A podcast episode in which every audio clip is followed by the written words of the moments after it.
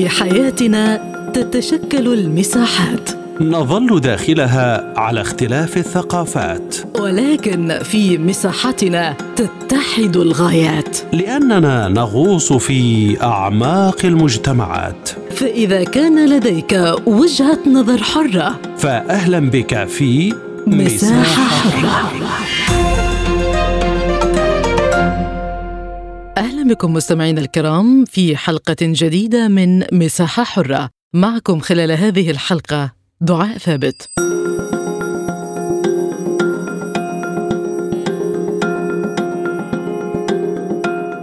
قال وزير الخارجية الإيراني حسين أمير عبد اللهيان إن هناك قنوات اتصال مباشرة ورسمية بين إيران ومصر معبرا عن أمله في حدوث انفتاح جاد في العلاقات بين البلدين. وأضاف عبد اللهيان أن هناك نشاطا لمكاتب رعاية المصالح في طهران والقاهرة وتوجد قناة رسمية للاتصال المباشر بين البلدين حسب ما جاء في مقابلة لوكالة إرنا الإيرانية الرسمية. وقال عبد اللهيان الرئيس إبراهيم رئيسي يولي اهتماما بالغا بتطوير العلاقات مع دول المنطقة وبينها مصر مشيرا إلى أنه توجد بعض الدول التي تشجع الارتقاء بالعلاقات بين البلدين وهناك لقاءات مشتركة شارك فيها رؤساء مكاتب رعاية المصالح في طهران والقاهرة. وأوضح وزير الخارجية الإيراني أنه يأمل أن يتم اتخاذ خطوات جديدة ومتبادلة بين الجانبين مؤكدا أن العلاقات مع مصر من أولويات السياسة الخارجية لإيران. من جانبه قال عضو لجنة الأمن القومي والسياسة الخارجية في البرلمان الإيراني إن المفاوضات بين الجمهورية الإسلامية الإيرانية وجمهورية مصر جارية في العراق وستستأنف العلاقات بين البلدين في المستقبل القريب. للحديث عن هذا الموضوع ينضم إلينا من طهران الدكتور سعيد شاوردي الكاتب والمحلل السياسي. بعد التحية دكتور سعيد، وزير الخارجية الإيراني قال إن هناك قنوات اتصال مباشرة ورسمية بين إيران ومصر. ما الذي تؤشر إليه هذه التصريحات في مسار عودة العلاقات بين القاهرة وطهران؟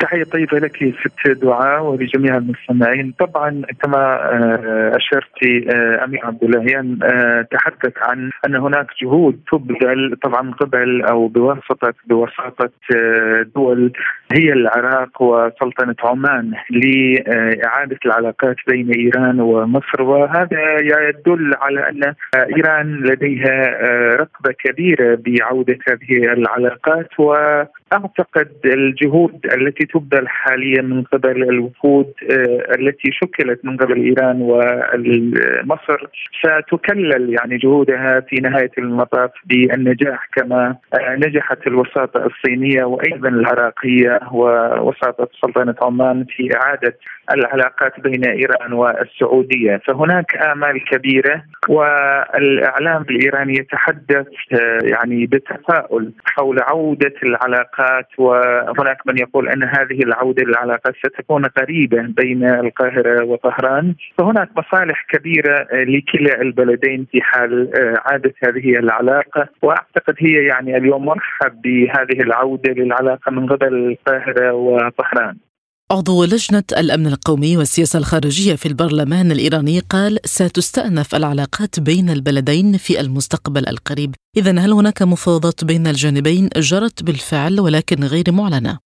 بكل تأكيد يعني سد المفاوضات هي تتابع بشكل جدي وبشكل قوي من قبل طهران وأيضا من قبل القاهرة ولكن هناك تكتم إلى حد ما حول تفاصيل هذه يعني ما يجري في القرب حول هذه المفاوضات. ولكن المؤشرات تؤشر أن الأمور تسير بإيجابية نحو تحقيق هذا الهدف وهو عودة العلاقات بالأمس تحدث أيضا إضافة إلى عضو مجلس يعني لجنة العلاقات الخارجية في البرلمان الإيراني الذي تحدث عن أنه قد تكون هذه العودة سريعة. تحدث أيضا كمال خرازي وهو رئيس مجلس العلاقات الاستراتيجية وهو تابع يعني إلى الوزارة الخارجية عن أن هذه العلاقات تتابع حاليا بوساطه عمانية وعراقية ولكن لم يفصح عن المزيد من التفاصيل حولها. بكل تأكيد هناك رؤى لإيران والقاهرة حول عودة هذه العلاقات. وأعتقد يعني اليوم باتت الأرضية مهيئة. الظروف مساعدة جدا خاصة بعد عودة العلاقات الإيرانية السعودية. اليوم لا توجد قطيعة في العلاقات بين إيران وأي من الدول العربية. هناك علاقات بين تقريبا كافة الدول العربية. هناك طبعا آه، نوع يمكن أن نسميه من الفتور في العلاقات بين إيران والبحرين ولكن مع بقية الدول آه، كلها يعني توجد علاقة إيرانية عربية. أعتقد يعني مصر هي الدولة الأخيرة التي لا توجد علاقة بينها وبين إيران. فهناك مواقف جيدة يعني حتى من هناك من يتحدث عن أنه بعد افتتاح السفارة سنشهد يعني لقاء بين الرئيسين السيد إبراهيم رئيسي والسيد عبد الفتاح السيسي. هناك مصالح كما أشرت يعني اقتصادية وتجارية قد تكون كبيرة تصل إلى مليارات الدولارات. هناك حاجة لإيران وأيضا للقاهرة لتنمية هذه العلاقات وبالإضافة إلى أن المصلحة ستكون ثنائية أو بالدرجة الأولى للقاهرة وطهران. أعتقد المنطقة برمتها ستكون مستفيدة من عودة هذه العلاقات وستكون هي بكل تأكيد محل ترحيب من قبل كافة الدول العربية والإسلامية خاصة الدول الكبيرة في المنطقة السعودية لأنها آه، إن عادت هذه العلاقات بين البلدين سنشهد يعني انخفاض كبير في التوترات في المنطقة خاصة بين إيران والدول العربية الشقيقة. وستستطيع القاهرة لعب دور ريادي في تعزيز هذه العلاقات بين إيران والدول العربية الأخرى بما أن القاهرة تاريخيا يعني هي قائده في العالم العربي وتمتلك آه، مكانة تاريخية متجذرة ولديها كانت في السابق علاقات سياسية طويلة مع إيران. فأعتقد يعني نحن تضررنا كلا الطرفين إيران ومصر من انقطاع العلاقات. ومن استمرار هذه القطيعة لفترة طويلة فنحن كشعب هنا في إيران كصحفيين نتمنى عودة هذه العلاقات سريعا وأعتقد يعني أشقائنا في مصر أيضا يتمنون عودة هذه العلاقات وسنشهد في حال إعادة هذه العلاقات بكل تأكيد يعني. الملايين من الإيرانيين يرقبون بزيارة مصر والتعرف على تاريخها العريق وعلى شعبها العظيم وعلى منجزاتها آه، التي تحققت خاصة خلال الاعوام الأخيرة فنحن آه، يعني آه، كما يقولون في إيران نعد اللحظات لأن تعود هذه العلاقات ونتمنى أيضا استضافة يعني الشعب المصري المثقفين وعامة الشعب المصري والسياسيين أيضا في طهران. ما التحديات التي تواجه هذا التقارب أو تعرقله؟ يعني ما موقف الولايات المتحدة التي ربما لا يعجبها هذا التقارب وإسرائيل كذلك؟ صحيح. بكل تأكيد آه، يعني للأسف آه، هي المشكلة يعني التي أدت إلى هذه القطيعة الطويلة جدا. هي الموقف الأمريكي وأيضا الموقف من قبل الكيان الإسرائيلي. بكل تأكيد يعني لا تريد الولايات المتحدة ولا الكيان الإسرائيلي أن تعود هذه العلاقات. لأن ستكون يعني كما قلت تخدم آه، مصالح شعوب هذه المنطقة. عندما تكون هناك علاقات قوية بين دولتين كبيرتين بهذا التاريخ الطويل وأقصد يعني هنا إيران ومصر هذا سيساهم يعني في إبعاد المنطقة عن الحروب سيساهم في ازدهار الاقتصاد. إيران تمتلك يعني طاقة كبيرة في مجال النفط والغاز ومصر بحاجة إلى آه، النفط والغاز. آه، ويمكن أن تبيع إيران يعني حتى بأسعار منخفضة إلى مصر هذه الطاقة. خاصة اليوم هناك يعني عقوبات مفروضة على إيران بالرغم من أنها تصدر نفطها إلى الصين والهند والكثير من دول العالم ولكن يمكن أن تصدر أيضا هذا النفط والغاز إلى مصر. آه، وأيضا هناك يعني مجالات كثيرة في التجارة وفي الزراعة وفي العلوم والصناعة آه، متطورة جدا فيها مصر. يمكن أن تصدر هذه البضائع إلى إيران. آه، بالإضافة إلى ذلك فيما يخص القضايا الأمنية. يعني المنطقة ستشهد المزيد من الأمن والاستقرار في حال عاده العلاقة الإيرانية المصرية وهذا لا يعجب يعني الأمريكيين والإسرائيليين، أمريكا للأسف يعني خلال الفترة الأخيرة وأيضا إسرائيل حاولوا أن يقولوا أن إيران هي العدو الأول كما زعموا العرب وحتى المسلمين والمنطقة وهي خطر على الأمن العربي. وقالوا أن العرب بحاجة إلى حليف وقالوا هذا الحليف هو إسرائيل أو الولايات المتحدة الأمريكية. فحاولوا أن يروجوا إلى هذه الفكرة والتي هي في الواقع ليست صحيحة. إيران لن تعتدي على أي دولة عربيه خلال من عام 1979 حتى اليوم. بالرغم من أنه هناك يعني كان للأسف يعني اصطفاف من قبل بعض الدول العربية مع صدام في حينما يعني شن حربا على إيران ولكن إيران اليوم حاولت أن تنسى هذه الفترة وتنظر إلى المستقبل وتنظر إلى الفرص وتنسى الماضي وتفتح صفحة جديدة مع شقائها العرب. والدليل على ذلك يعني عودة العلاقات بين إيران والسعودية.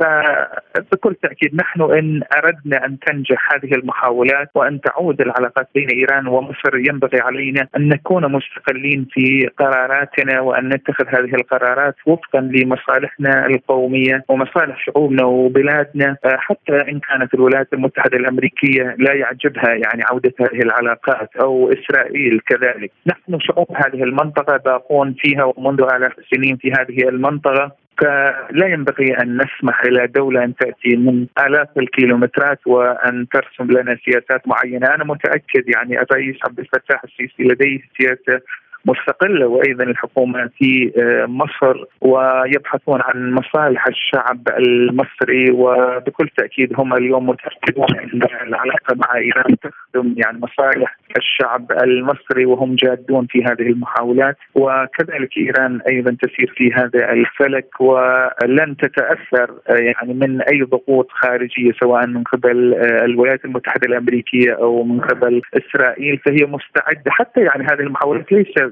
تخص حكومة السيد إبراهيم رئيسي اليوم بل هي حتى في الحكومات السابقة حكومة آه، السيد أحمد نجاد حكومة آه، حسن روحاني وأيضا الحكومات السابقة حكومة السيد آه، علي أكبر هاشم الرفسنجاني وحكومة السيد محمد خاتم. يعني هذه الحكومات كلها كانت تبحث عن نافذة لأن تعود العلاقات بين إيران ومصر ولكن في السابق للأسف يعني الظروف الإقليمية والدولية لم تسمح ب عوده هذه العلاقات، اليوم هناك تطورات إيجابية كثيرة في المنطقة وفي العالم، كل هذه التطورات تصب في خانة آه، احتمال نجاح الوساطه العمانيه العراقية. ونحن آه، نتفائل يعني خيرا نحو المستقبل.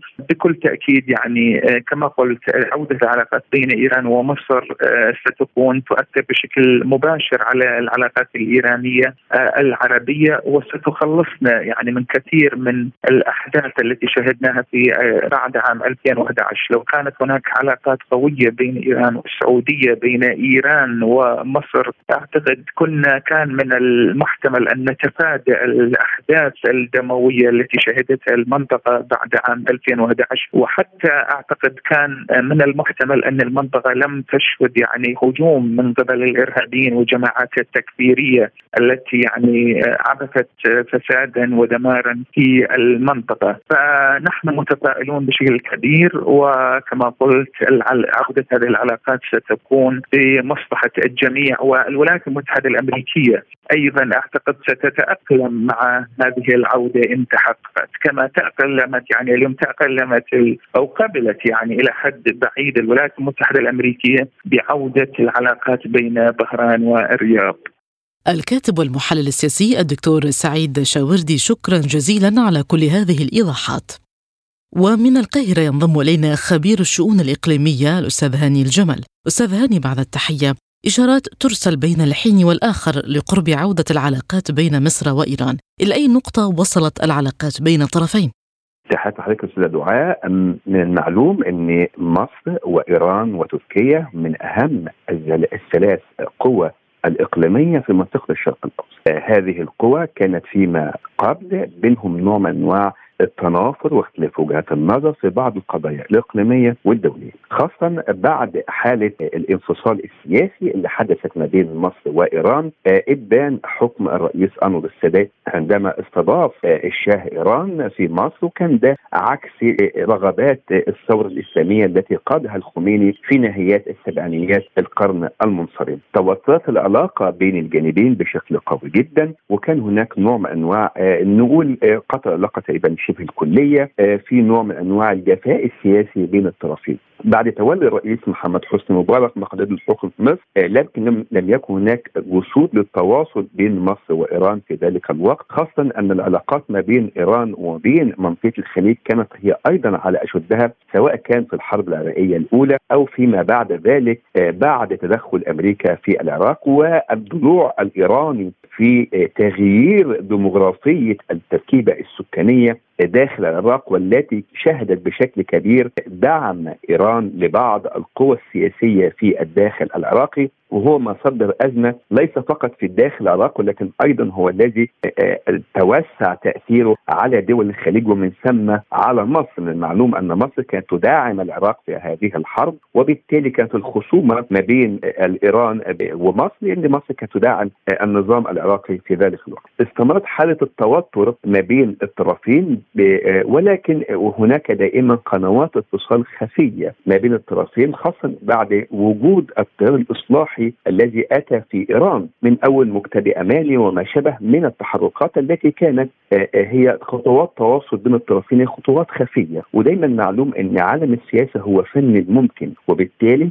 أتت وكلها بعض الخطوات تقاربيه ما بين نظام مبارك في أواخر عهده وما بين النظام الإيراني في ذلك الوقت. وكانت هناك بعض اللقاءات الخفية ما بين الخارجيه المصرية والخارجيه الإيرانية في أكثر من مكان. لكن هذا الأمر عاد مرة أخرى إلى نوع من أنواع الجفاء خاصة بعد ثورة 25 يناير والتي شهدت حالة غريبة جدا عندما قام المرشد الإيراني في ذلك الوقت بإلقاء خطبة في الجامع الكبير باللغة العربية يشجع على الثورة في مصر وتغيير النظام السياسي والتغيير في الكتل السياسية. بل إنه صرح في هذه الخطبة وباللغة العربية ولأول مرة يحدث هذا الشأن إنه يدعم فصيل سياسي معين في مصر وهو كان جماعة الإخوان المسلمين. هنا عادت مرة أخرى حالة التوتر بين العلاقة بين الطرفين في ذلك الوقت خاصة أن مصر في 25 يناير كانت بتشهد نوع من أنواع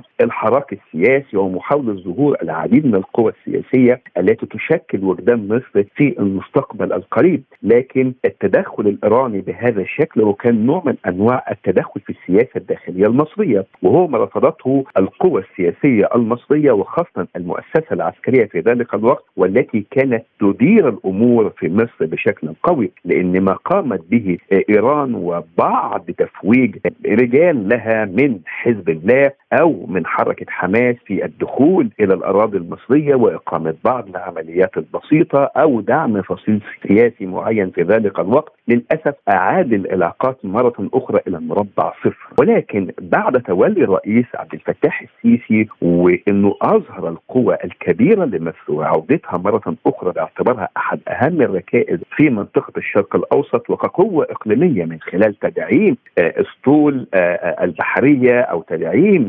أسطول الطائرات أو تدعيم التدريبات العسكرية ووجود شراكات وتدريبات مشتركه على أعلى مستوى مع الدول الكبرى فضلا عن التقرب الكبير الذي أحدثته العلاقات المصرية الروسية بارتفاع درجة العلاقة إلى 2 زائد 2 واستقبال الرئيس بوتين للرئيس السيسي ومنحه بذة خضراء وكوفية خضراء تدل على مدى القرب والعلاقة بين الطرفين.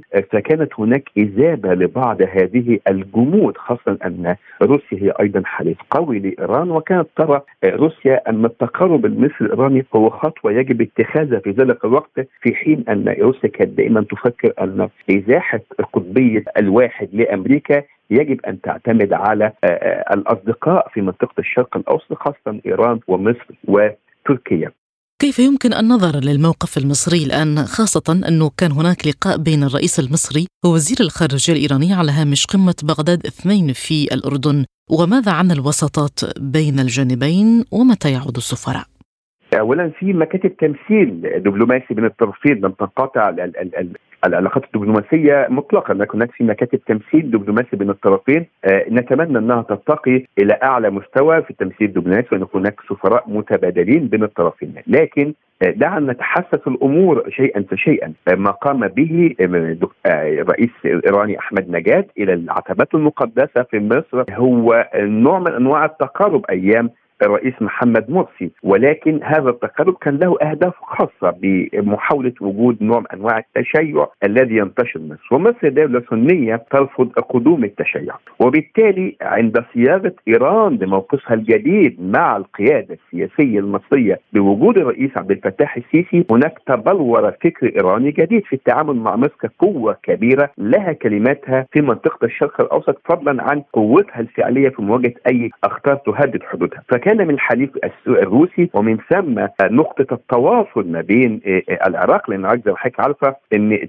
تركيبه السياسية هناك الجزء الشيعي هو الأكثر تواجدا سواء كان على مستوى آه، السياسة وعلى المستوى الشعبي. فضلا عن بعض دول الخليج التي حاولت تقوم بنوع من أنواع تقريب وجهات النظر ما بين الطرفين لانهما قوتين كبيرتين من الصعب تصارعهم في مواجهة الكيان الصهيوني. فكانت الفكرة المزدوجة أن يكون هناك نوع من والتهدئه بين الطرفين ومحاولة بناء جسور ثقة ما بين الطرفين والخروج ذلك إلى الأمر. كل الخارجيه المصرية لا تعلن ذلك دائما علمتنا المدرسة الدبلوماسية المصرية أنها لا تعلن عن الخطوات الجادة إلا بعد اكتمال الصورة وبلورة هذا. أما النظام الإيراني فهو دائما ما يتجه إلى فكرة الجذب الإعلامي والشوه الإعلامي لكي يحاول أن يغير الصورة المدموغة لدى الآخرين، فعندما كان هناك مفاوضات مفاوضات خمس زائد واحد. كان النظام الإيراني هو الذي يتحدث أكثر مع قبل الدول الكبرى حتى يصيغ موقف عالمي ورؤية خاصة تنتهج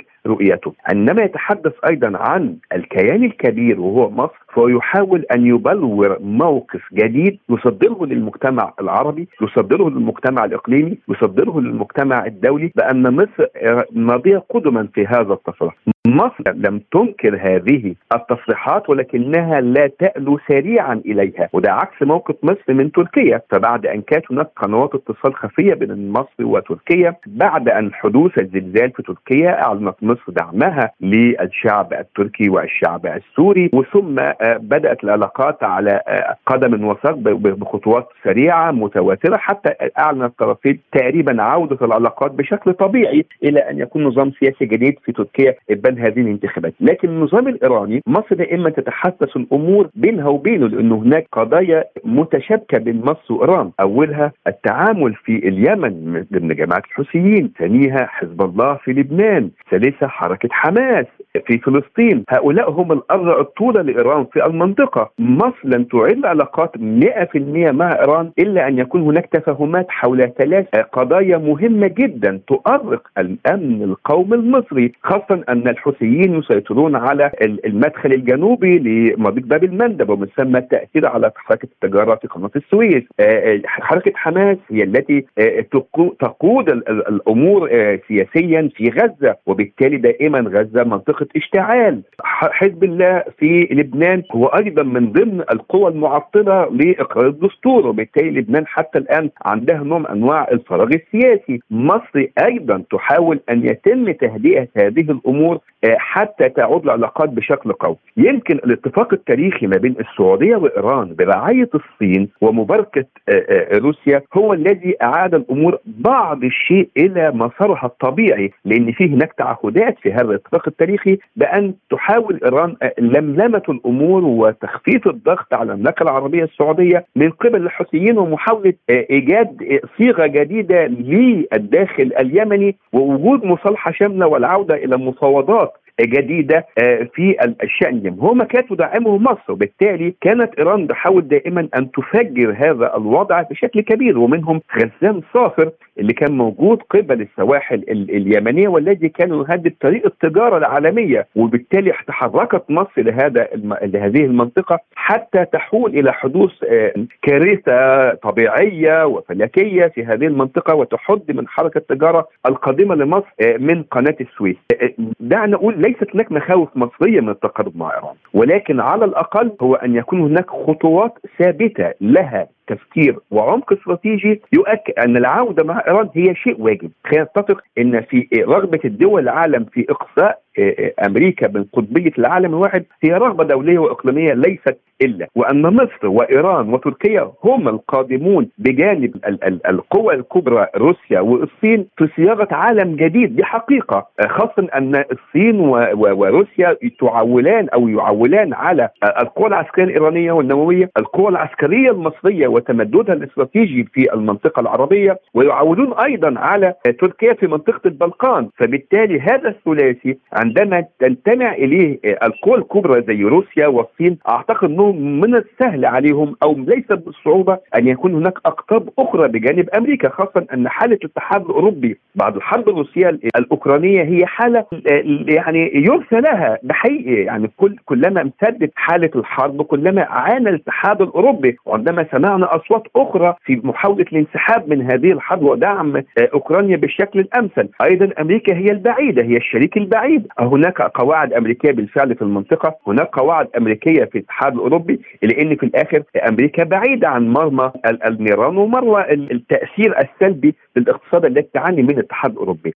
ما المنافع التي تجنيها الدولتان من عودة العلاقات وكذلك تداعيات عودة العلاقات على المنطقة وما الجهات التي تعيق التقارب بين الدولتين؟ اولا من الفوائد الجامة اللي ممكن تكون تعود على الطرفين هي عودة العلاقات التجارية، حتى الآن العلاقات المصرية الإيرانية علاقات تجارية ما تقرب إلى أدنى أدنى مستوى مش عايزين نقول التجاره صفر تقريبا، لكن عودة العلاقات أعتقد إنها سوف تجد مجال واسع جدا للتجارة البينيه بين الطرفين خاصة في مجال الطاقة، لأن طبعا مصر هي الأمين العام لمنتدى شرق غاز الشرق المتوسط، إيران من أهم الدول الكبرى في إنتاج الطاقة في منظمة الأوبك. وبالتالي التعاون المثمر بين الطرفين سواء كان باستخدام المصافي المصرية والتكرير ده قطاع مهم جدا يجب التفكير فيه. اثنين السياحة الدينية. الإيرانيين عندهم دائما شغف كبير جدا بزيارة العتبات المقدسة لآل البيت. وبالتالي كون هناك فتح للسياحه الإيرانية في الداخل المصري ده فتح كبير جدا وعائد كبير جدا للمقدرات والاستثمارات المصرية العوائد من السياحة إذا كان هناك تقارب. فضلا على أن يكون هناك نوع من أنواع التنسيق بين الطرفين في بعض القضايا الإقليمية الشائكة. محاولة التهدئة التي قد تكون هي عربون لعوده العلاقات ما بين مصر وإيران التهدئة في اليمن التهدئة لاوضاع السعودية، التهدئة من الأخطار التي تحدق بالخليج، التهدئة داخل العراق وده الأهم منهم، ثم التهدئة ما بين لبنان وفلسطين دي من أهم النقاط الساخنة في الطرفين، إذا استطاعت إيران أن تقدم للحليف المصري الضمانات الحقيقية بالتهدئة في هذه المناطق الساخنة أعتقد أن عودة الطرفين في قيادة وتناغم للشرق الأوسط أعتقد أنه يدع للطرفين مجال كبير جدا للفائدة سواء كان على المستوى الاقتصادي على مستوى الطاقة أو على رسم سياسة مهمة جدا وهو ما يؤثر بالسلب على التواجد الأمريكي في منطقة الخليج وفرضه لسياسة الأمر الواقع من خلال المعسكرات السياسية أو المعسكرات الحربية التي تقيمها وإشعال الأمر فضلا مرة أخرى. لكن كمان هناك عدو آخر يتربص بهذا الاتفاق ويحاول أن تكون هناك ما يكدر صفو هذه العلاقات هو الجانب الإسرائيلي والذي قام باكثر من مرة بطلعات وضربات جوية سواء كان في الداخل الإيراني أو في الأماكن الإيرانية في الداخل السوري أو محاولة دائما أن يكون هناك سجال سياسي وحربي ما بينه وبين حركة حماس حركة الجهاد وهما المحسوبان أيضا على النظام الإيراني. إذا إسرائيل تمانع هي وأمريكا في أن يكون هناك تعاون ما بين مصر وإيران بالشكل الأمثل.